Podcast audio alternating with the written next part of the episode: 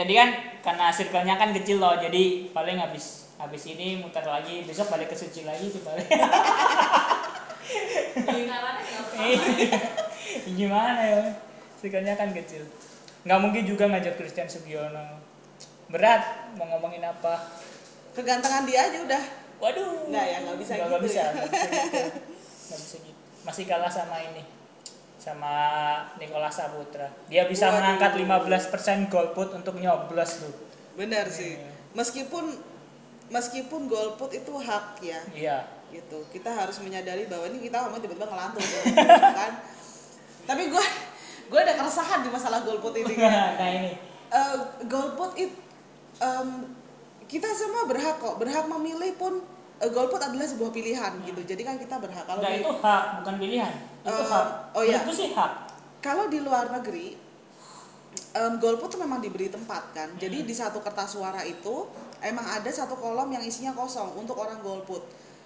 Banyak pemahaman di orang-orang Indonesia bahwa golput itu tidak datang ke TPS Hmm, ya itu yang salah kan? Itu yang salah yang menurut gue salah. Lo tetap gunakan hak suara lo. Itu adalah wujud protes lo kalau datang ke sana lo tetap celup jari lo ungu. Lo tetap nyoblosin lo mau robek kayak kertasnya kayak mau apa kayak sebagai wujud protes lo. Sehingga wujud protes lo itu terhitung. Betul. Gitu. Karena kalau enggak kalau lu cuman nggak datang ke TPS ya elah lu namanya apolitis. Lu nggak Iya. peduli sama politik Iya. Indonesia. Kemarin yang di aku ngobrol sama Jo soal golput itu bahkan pemilu di Mesir itu lebih lebih lucu lagi. Eh, warga di sana menunjukkan golputnya coblosnya go- coblos stiker Muhammad Salah. Iya iya iya iya iya. Bener bener itu bener. menarik sekali men. Karena aku juga mau coba gitu mau tak kasih stikernya siapa gitu loh kok yang gitu ya?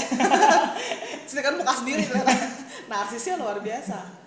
Gitu. Nah nyambung nih soal golput soal ini kan. Kemarin kita mau bahas soal baik sama benar ya.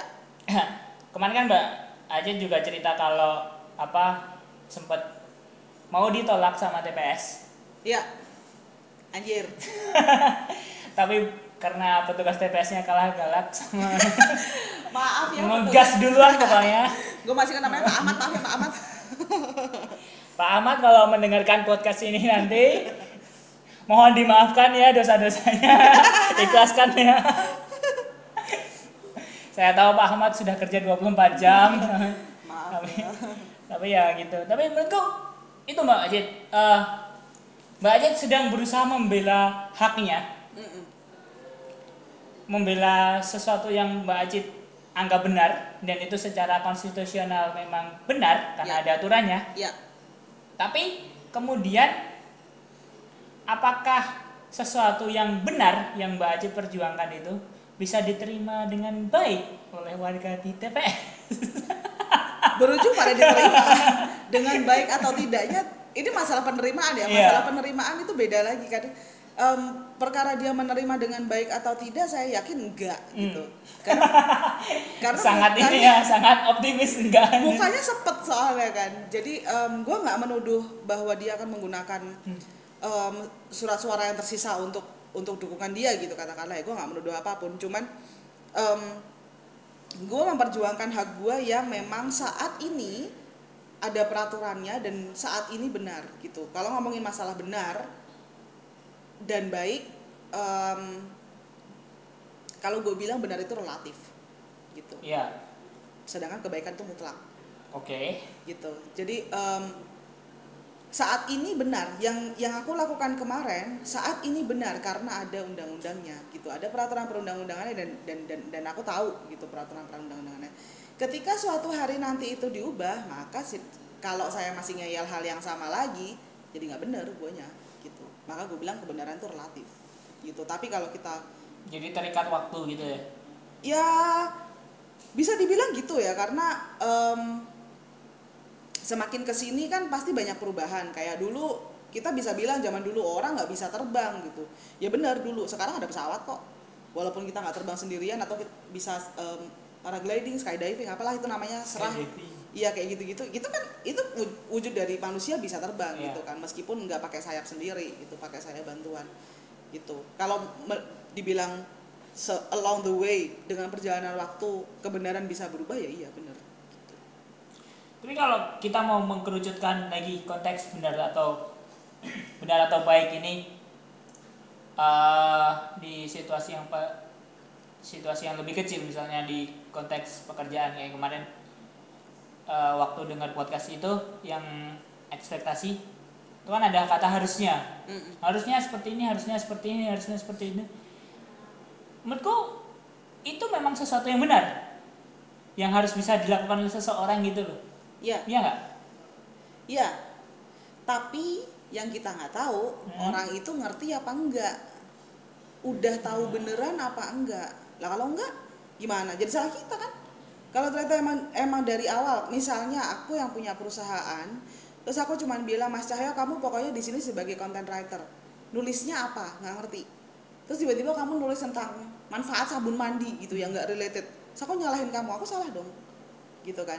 Karena aku nggak ngasih tahu kamu dengan benar um, apa yang harus kamu lakukan dan lingkup kerjanya seperti apa gitu. Jadi kalau kalau um, harusnya dia ngerti itu please make sure dia beneran ngerti.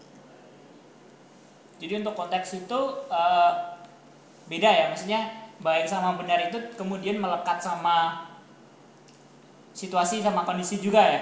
Kayak misalnya uh, tadi soal pilpres ya penerimanya kadang ba tidak bisa diterima dengan baik karena itu yang minta uh, apa yang daftar pakai KTP itu ektp itu mbak Aceh sendiri atau rombongan?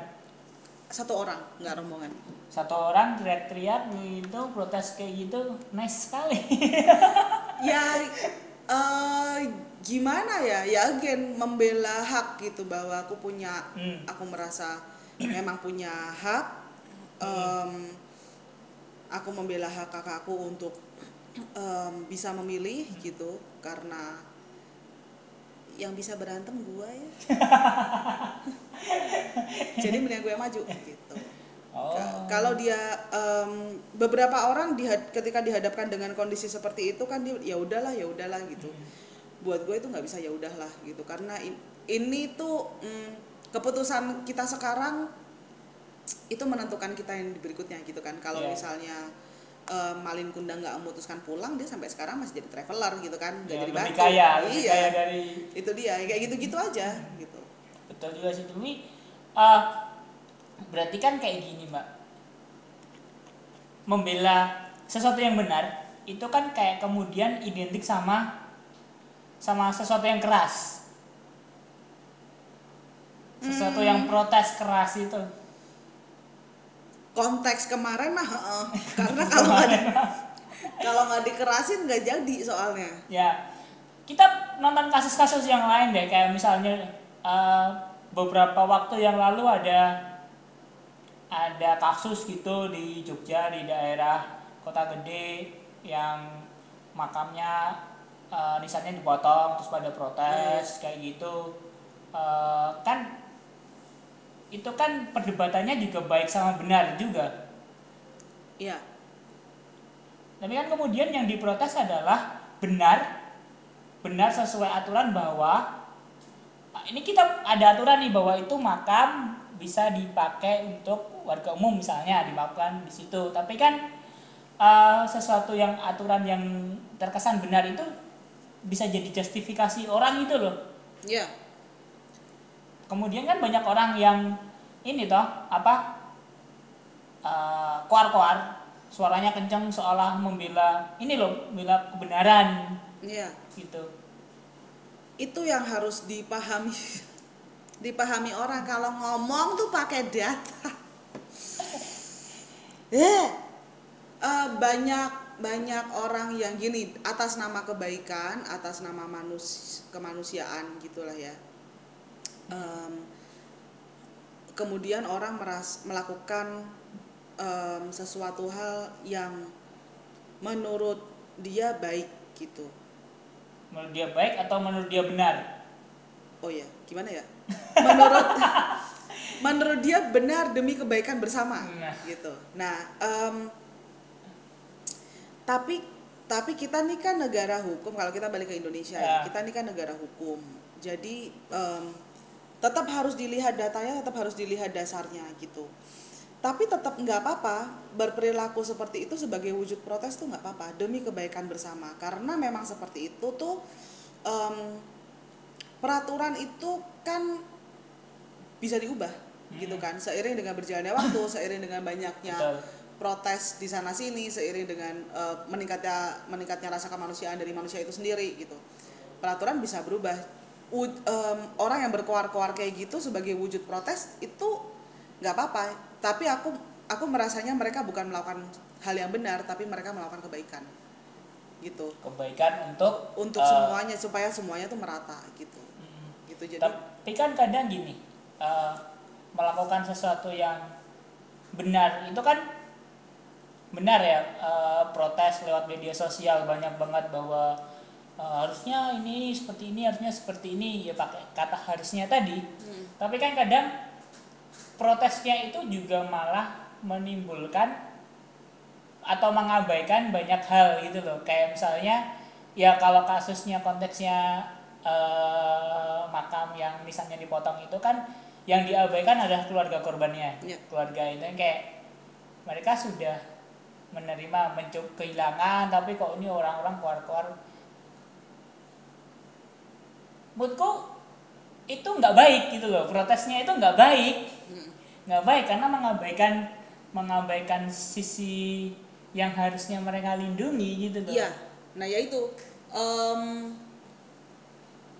selalu ada dua sisi mata uang ya. iya kalau Gitu. tiga susah juga. Iya segitiga. Hmm, kita nih jadinya kerucut bentuknya, eh bukan kerucut apa tuh prisma? Dipikirin. Kak ya selalu ada sisi kor- sisi korban lah menurut aku Hmm. dari dari apa pun apa pun dari apa pun selalu ada korbannya. Dan yang menjadi korban adalah orang yang bisa Baik. dibilang bisa em, orang baik mah. ya orang baik kan kalau di sinetron jadi korban terus Oh iya ya, makanya gue gak nonton sinetron. Em, kirain makanya gue nggak jadi orang baik iya, capek gue nonton sinetron. Kalau ibaratnya warga sipil lah, orang Hmm. yang memang sudah menerima kondisi itu gitu, itu hampir selalu justru mereka yang menjadi korban karena mereka yang tidak protes gitu, karena mereka yang udah udah ya udahlah menerima aja supaya masalahnya segera selesai. Tapi kan masalah tersebut tidak bisa tidak eh, orang kepengennya jangan berhenti di situ, jangan sampai terulang di keluarga-keluarga lain gitu loh, sehingga terus mereka em, ya protes kerasnya seperti itu gitu. Kalau kalau eh, cara yang tidak baik mungkin iya em, nomor satunya em, ada juga beberapa yang malah terus jadi wartawan jadi nyamperin keluarga gitu kan Iya. kayak ya elah ada apa sih bos gua ngerti juga ada apa sih ini ribut-ribut Iya, em, padahal seharusnya kan yang diprotes kan masalah em, akar masalahnya lah, akar masalahnya bahwa itu ada ada pemotongan Hmm. eh kok jenazah sih goblok. maaf, maaf, maaf, maaf, ada pemotongan nisan gitu. Iya. It- akarnya harus di situ. Jadi sebenarnya eh, pihak yang sudah merelakan segala macam itu sebenarnya emang nggak perlu digugat lagi Betul. gitu. tapi kan kemudian nontonnya kayak gini tuh kemudian eh, jadi benar itu eh, identik sama orang yang suaranya kencang sedangkan jadi baik itu identik sama yang diem. Kan jadi dikotominya jadi kayak gitu loh. Mau nggak mau ya rasanya memang jadi seperti itu. Padahal padahal nggak harus gitu sih.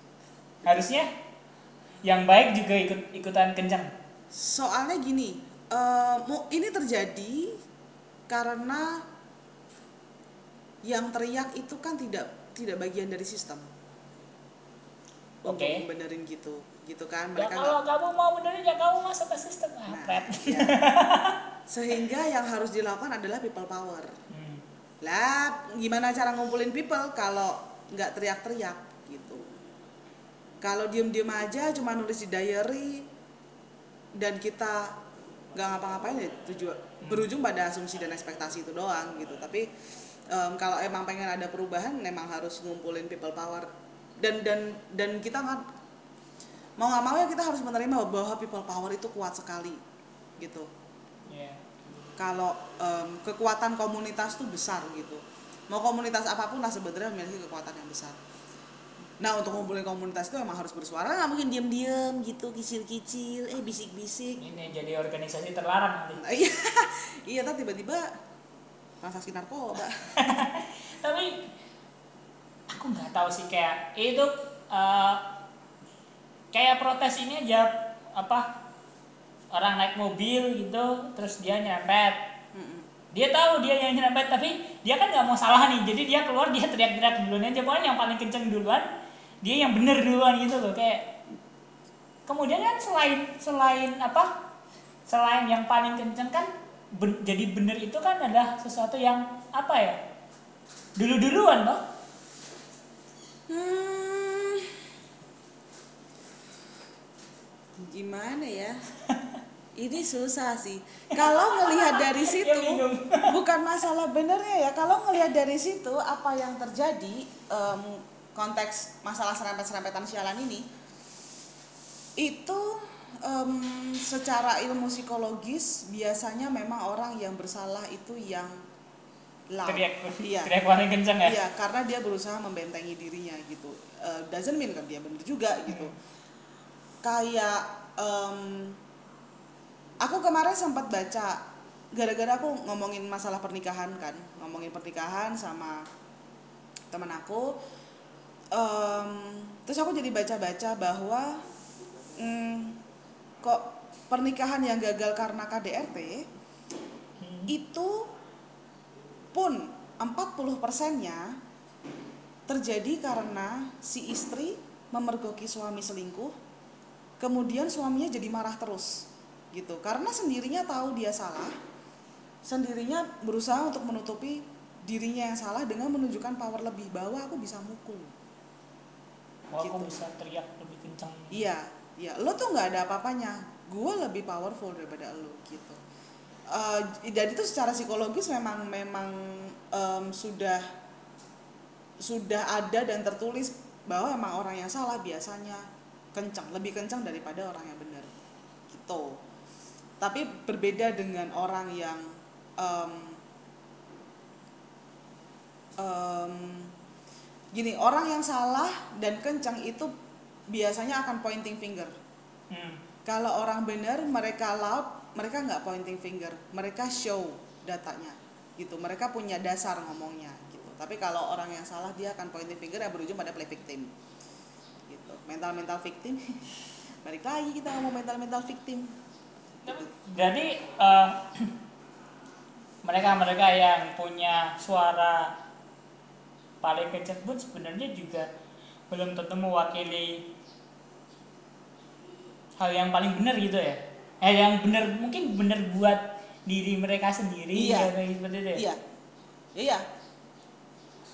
Em, bener di mataku juga belum tentu sama dengan bener di matamu kan mas misalnya ya kayak, kayak kayak tadi aku bilang deh Christian Sugiono mendingan Nikola Saputra gitu menurut menurut gue Ya. bener tuh Christian Sugiono tuh udah paling ganteng udah paling beres tuh tapi tapi karena kamu punya point of view lain bahwa Nikola Saputra udahlah ganteng dia berusaha dia bisa mengubah 15% dari golput menjadi tidak dari tidak datang ke TPS ya, least ya tidak dari datang ke TPS menjadi orang yang Menjadi- datang ke TPS untuk betul. menggunakan hak pilihnya gitu. Nah ini kan memang orang punya pandangan sendiri-sendiri Hmm. perihal benarnya itu.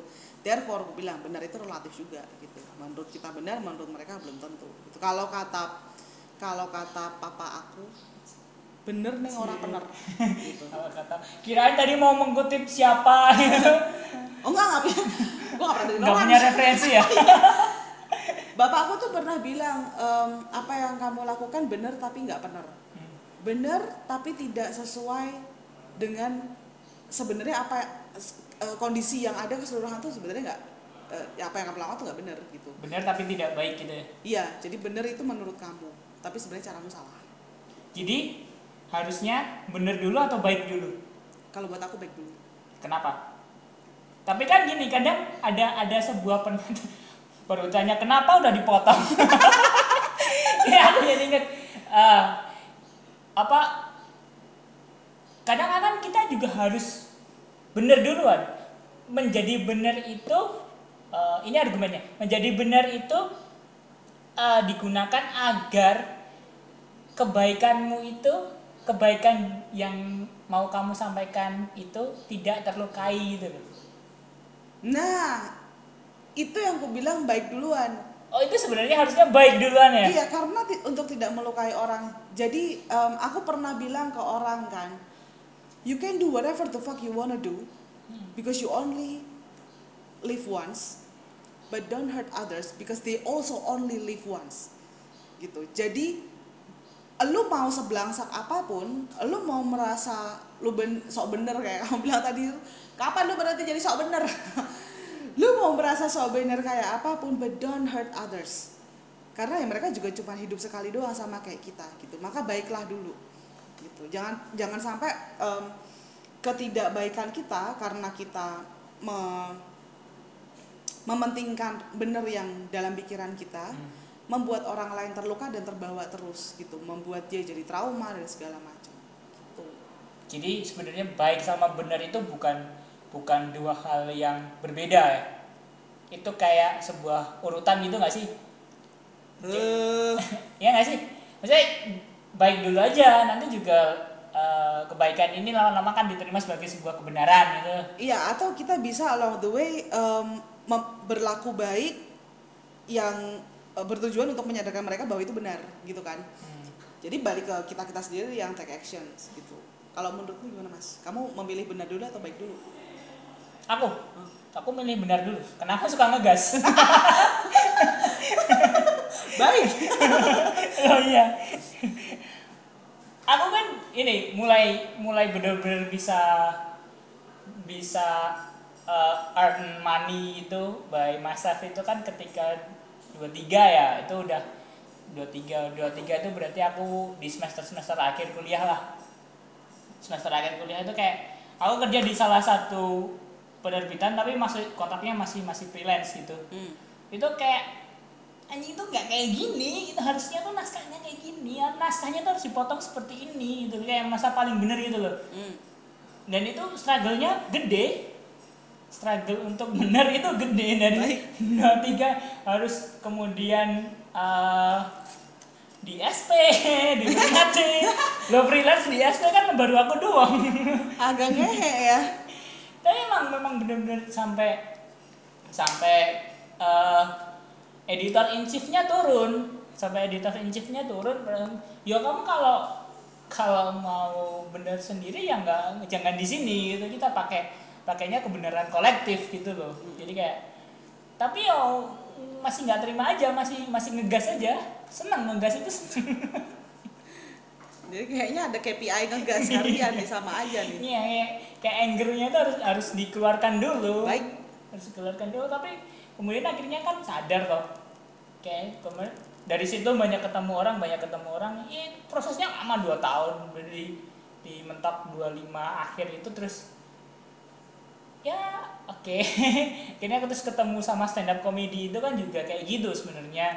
Eh, diajarin buat ngarahin angermu itu buat buat sesuatu yang lain gitu jadi ini ya nggak keluar sebagai ya nah aku aku aku paling bener. Nih Mm-mm. orang lain tuh nggak ada nggak ada yang kayak ini. Sekarang kalau ada yang salah tuh kan salah nggak nurut sih. Kan kan kayak gitu kayak ada kepuasan sendiri itu loh nyala nyalahin orang gitu.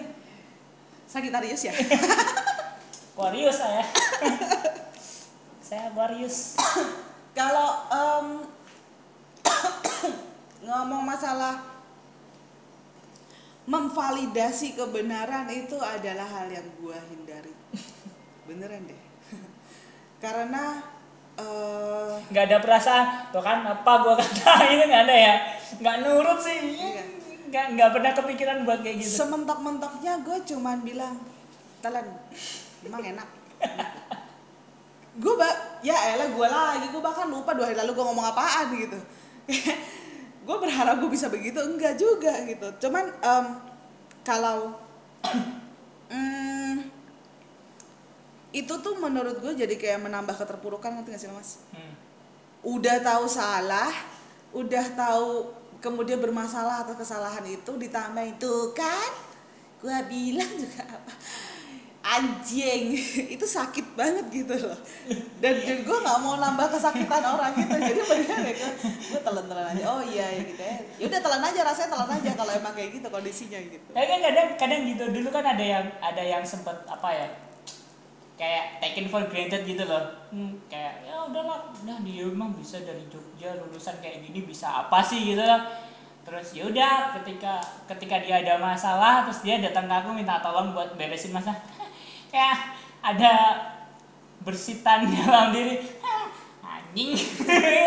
Kalau gini nyari gua. Kayak gitu kan maksudnya. Tapi lu nggak mestinya bangga mas kalau lu disamperin sama orang yang bermasalah.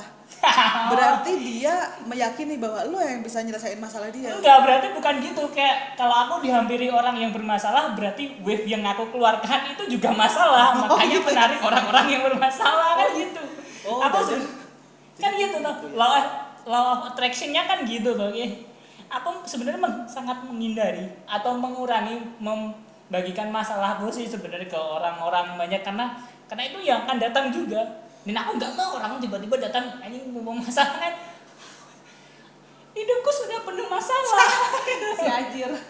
Tapi gua ra- gua em, mungkin iya ya mungkin karena gue datang dengan penuh masalah jadi banyak orang datang ke gue dengan dengan bawa masalah mereka. Tapi gini kalau gue pernah baca gue lupa yang ngomong siapa apa tulisan ya apa quote quote di Instagram ya Cing? Cikot Instagram.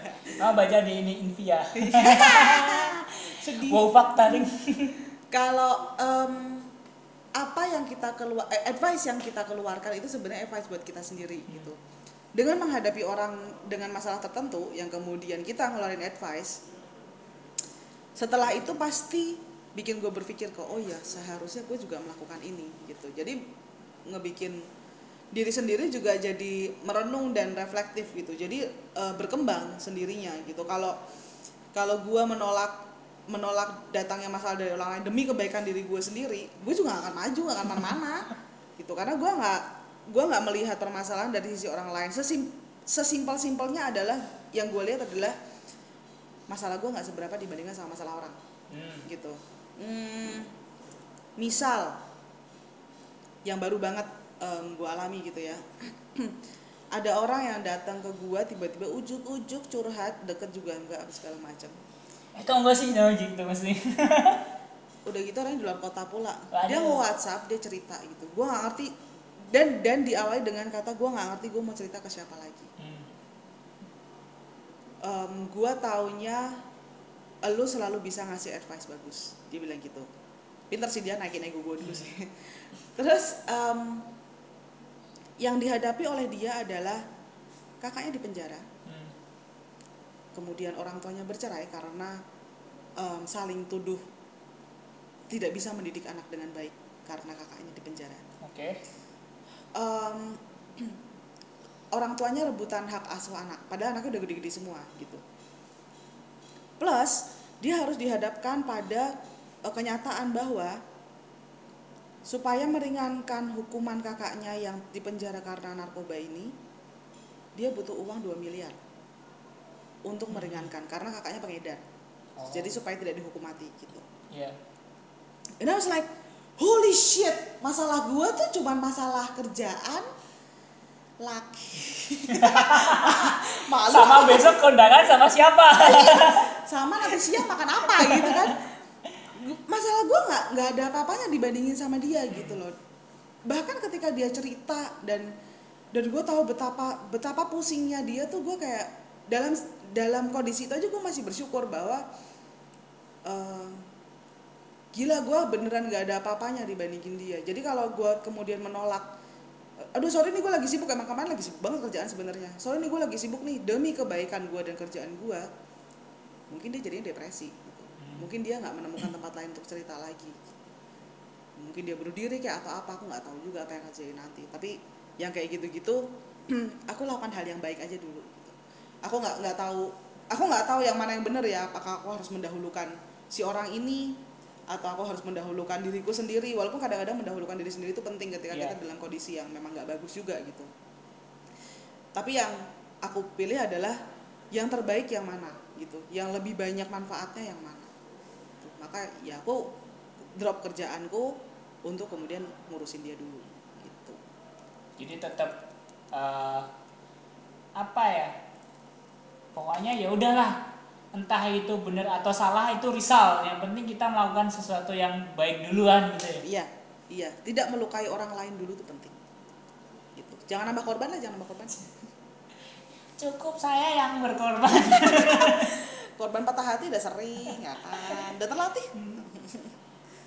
Ya paling gitu sih. Tapi menarik sih kayak tadi kan uh, soal law of attraction tadi soal uh, ketika kita mengeluarkan gelombang tertentu ya orang-orang yang akan se gelombang Vibrasi, itu ya. ya, yang gelombang itu. Vibrasi mah enak. Anjing. Bang pijet pijet pijet si frekuensi frekuensi iya boleh boleh boleh boleh. Boleh boleh. Tapi itu kan mungkin kayak apa ya? Itu kan pada pada akhirnya kan kembali ke diri sendiri kayak cara paling baik menyadarkan diri sendiri itu kan dengan cara menyadarkan orang lain gitu. Iya. nggak sih? Iya. Iya benar. Em, gue tiba-tiba kepikiran satu hal lu pernah gak sih mas berada di posisi ketika lu memang harus memilih? Hmm. Em, lu tahu ini salah tapi lu, lu tahu ini bisa membuat kebaikan buat orang. Pernah. Udah gitu doang. Maka apa yang lo lakukan Eh, kalau dulu sih konteksnya lebih ke saving life sih.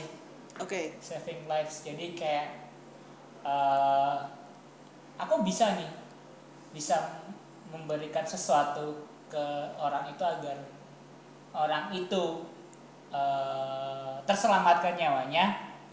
Tapi itu juga membawa konsekuensi bahwa itu akan mengurangi membuatku mengurangi banyak hal membuat hidupku yang sudah sangat addicted sama kopi rokok dan gula itu akan berubah sebaliknya. Tapi itu worth it karena worth itnya baru aku sadari setelah setahun dua tahun tiga tahun ini eh, ketika ternyata yang diselamatkan bukan satu orang Hmm. ternyata satu keluarga seperti itu. Ah, jadi I kayak gitu. Ya aku nggak tahu itu benar apa salah. Itu benar apa salah kan kemudian bukan hakku untuk menjudge wah aku Melakukan hal yang benar, benar ya, oh. iya. itu kan ya udah ya itu tadi yang yang yang dibilang Mbak Astrid tadi saving uh, menyelamatkan hidupnya orang lain dulu terlepas itu baik apa enggak gitu. Nah kayak gitu mas. Jadi makanya baik dulu. Iya. gue berusaha validasi aja. Enak banget ya ini ya udah baik aja. Tapi men- itu sih tapi kemudian apa yang susah mbak? Apa yang susah? Apa yang susah untuk menjadi baik? Seolah-olah kan kalau kita hidup di di di lingkungan sosial yang seperti ini. Apa yang susah untuk jadi baik adalah kalau kita ngedengerin omongan orang. Eh, kita mikirin omongan orang. Itu yang bikin susah. Gue mah enggak. Astagfirullah gue ngegas ya Allah Em, kalau terus-terusan mikirin nanti kata orang gimana ya? Nanti ini kalau dilihat sama orang lain gimana ya? Itu mempersulit gitu. Hmm. yang yang ngapain ya mempersulit diri sendiri? Mempersulit diri orang lain aja kita. Kalau bisa jangan ini lagi yang mempersulit diri sendiri. Kita kan nggak bisa we cannot please everybody gitu kan. Kita nggak bisa menyenangkan semua pihak secara merata ya nggak bisa gitu. kamu bukan penjual es krim itu pun masih ada yang nggak bisa karena Oke. giginya sensitif misalnya. Oh ya pakai Iya. enzim. Masih ada jawabannya. Masih. Nah em, kalau terus menerus mendengarkan dan mikirin omongan orang ya itu yang bikin susah gitu. Itu yang bikin susah untuk kita maju sebenarnya. Gatel gua. Kalau em, si, selain itu sih gua rasa nggak ada ya. As, as long as kita merasa memang itu untuk kebaikan orang lain apalagi umat Hmm, ya maju aja umat. gila gue mau gimana ini aku habis ini mau ini eh, Ibadah, ibadah. Jumat Agung jadi aduh gue katolik banget ngomongin umat oke umat. jadi kayak gitu Ben berarti yang yang ke- bikin susah untuk kebanyakan orang berbuat baik adalah karena respon yang kalau aku kayak gini nanti responnya apa gitu ya kayak Iya. dia kayak apa sih eh nggak ikhlas gitu ya karena ketakutan sendiri aja Kan ketahuan. iya dan itu kan main asumsi emang iya yakin orang bakal ber- meresponnya seperti itu enggak juga belum tentu juga kan orang belum kejadian Hmm, jadi maksudnya ke ekspektasi lagi. Iya. Obrolan yang tadi lagi. asumsi dan ekspektasi muter terus gitu kalau pokoknya kalau omongan orang Hmm. em, hal paling mudahnya ya gue dulu pakai jilbab Hmm. terus gue lepas jilbab. Kalau em, Aku dulu nggak boleh pakai jilbab. nah coba lu cinta Luna tuh pakai jilbab. Gua ba- maaf maaf, maaf, Ma- Mas Lun eh Mbak Lun maaf. Em, ya, dulu ketika aku mikir untuk untuk lepas jilbab gitu ya aku nanya sama sahabat aku gitu. "Em, Mas menurut kamu kalau aku lepas jilbab gimana gimana apanya. "Em, pendapatnya. Terserah kamu. Dia bilang gitu. Your body is your authority. Gitu. Em, dia bilang aku cuma perlu tahu alasannya apa supaya aku bisa berpikir dengan point of view yang berbeda dari apa yang ada di, di pikiranku gitu. Hmm. Terus aku ceritain lah alasanku apa segala macam. Dia bilang kalau kayak gitu buat aku sih nggak apa-apa kemudian aku masih ragu aku masih nanya sama eh, dia lagi. Orang-orang nanti bakalan kayak gimana ya? Kalau kamu mau nanya kayak gitu ke orang-orang lu tanyain aja tuh 300 juta orang Indonesia. Kalau gue lepas jilbab gimana guys? Oh, nggak boleh. iya abis itu lu mampu sendiri. Jangan sampai bilang jangan sampai kamu mengubah mengambil me- jangan sampai kamu batal mengambil keputusan karena rasa tidak enak atas orang lain. Dia bilang "Em, aku kalau ataupun tadi aku bilang nggak setuju Hmm. pun kalau kamu tetap mau lepas jilbab aku tetap sahabatmu. Aku kenal kamu sebagai Astrid Arum. Aku nggak kenal kamu sebagai Astrid Arum yang pakai jilbab yang aku lihat sebagai Islami apalah segala macam. Enggak gitu. aku kenal kamu sebagai kamu. Dan karena menurut menurut dia em, aku maju-maju aja jadi aku memantapkan gitu kan. Ya udahlah aku lepas jilbab aja gitu. Tapi terus kemudian aku mikir oh ya aku tidak lahir dari Kinder Joy. Aku lahir dari orang tua. Maka kemudian aku nanya ke orang tuaku karena menurutku em, dua orang yang meter tuh ya bapak dan ibuku gitu. Maka aku nanya ke ibuku mamaku lepas jilbab ya? Mamaku sekarang pakai jilbab sih gitu.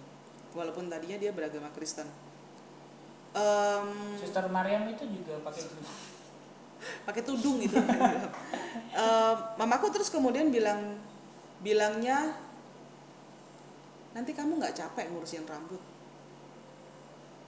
dia nggak nggak mikirin masalah aku pakai jilbab atau enggak terserah gitu terus ya enggak mam aku masih muda set ya ngurusin rambut doang bilang. terus aku nanya Enteng ke lah ya gitu. iya terus nanya ke bapakku bap aku lepas jilbab ya oke Duh. kalau aku mempertahankan ketakutanku duh nanti pasti orang tuaku menolak maka aku tidak lakukan. Maka aku tetap terpenjara dalam diri sendiri aku tidak menjadi diriku sendiri gitu. Nah ketakutan itu kan yang harus dilawan. Dan kalau aku meyakini dengan asumsi bahwa orang tua aku akan menolak aku untuk lepas jilbab ya ya ya udah sampai sekarang aku tidak terbebas gitu. Padahal kan paling enak kita kalau jadi diri kita sendiri kan gitu. Dan ternyata keputusan itu baik ya. eh kaget gue ada suara kucing. Keputusan itu em, setidaknya baik untuk aku sekarang ya. Ya. Iya ketika aku bisa menjadi diriku sendiri dengan lebih baik lagi. Karena kalau kalau em, aku merasa tidak bebas lah dengan dengan apa yang dulu aku alami gitu. At least at least rasanya ada ada bukan beban sih. Ada tanggung jawab ada tanggung jawab yang yang yang terlepas dari eh, eh, tanggung jawab yang mengikuti seiring dengan aku pakai kerudung gitu. Tapi kalau sekarang sih em, bahwa aku ini maaf untuk yang yang merasa offended tapi aku merasanya jilbab itu adalah pakaian luar gitu. Em, Kalau pakaian dalam kalau pakaian dalam namanya nana lalem jilbab itu tuh cover gitu kan. Itu Hmm. tuh itu tuh cuman surface.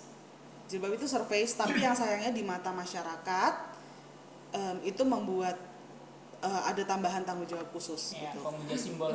Eh, eh. Sama halnya seperti kalau kita lihat rumah orang yang gede gitu rumahnya, terus kemudian kita bilang ih enak banget rumahnya gede pasti happy belum tentu gitu mereka belum tentu happy mereka bisa aja em, keluarganya dalam masalah keluarganya tidak utuh misalnya atau ternyata em, tidak akur lah misalnya nggak akur keluarganya mau mau gimana juga. Belum tentu karena yang dilihat cuma servisnya doang. Hmm. yang aku nggak mau kemudian adalah bahwa orang melihat aku dari surface gitu dari luarnya doang. Karena aku pakai jilbab maka aku bikin apa gitu bikin apa gitu. Tapi lo nggak nanya are you happy or not? Gitu.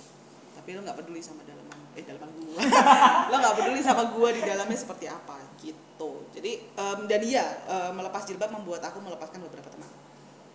Gitu. Nggak apa-apa Dan nggak apa-apa. ya ganti temen itu ba- baik kok iya biasa ternyata nggak sama terus ya akhirnya akhirnya satu ini satu frekuensi gitu Eh, dan entah kamu yang dikata atau kamu yang kata Oh iya betul juga ya. dan dan ya, ya itu nggak apa-apa. Aku bilangnya seleksi alam. Hmm. Memang saat ini memang yang harus ku alami seperti ini ngikut aja. Tadi kita bahas apa ya kok jadi ngelantur ke ya nggak apa-apa kadang kan ngobrol-ngobrol kan kayak gitu Iya ya seenak-enak aja. enak-enak jidat sendiri loh itu podcast tapi ya itu sih eh Baset aku udah tidak ada hal yang mau ditanyakan lagi sih Baik. tapi yang jelas kalau disuruh milih Baset kalau kan udah jelas nih ini posisinya kan sekarang udah jelas nih kalau Iya. disuruh disuruh satu atau dua eh satu atau dua Satu. Saya tidak mau diduakan. Siap. kalau disuruh eh, untuk memilih antara baik dan benar pasti Baik adalah untuk baik dulu karena ya ya udah menjadi baik aja susah apalagi iya, iya. Iya, tidak harus benar, tidak, tidak, harus benar yang penting baik ya gitu sih terima kasih ya mas ya Terima sudah 40 kasih. menit ngobrol tadi Terima kasih juga Mas Cahyo telah mengundang saya.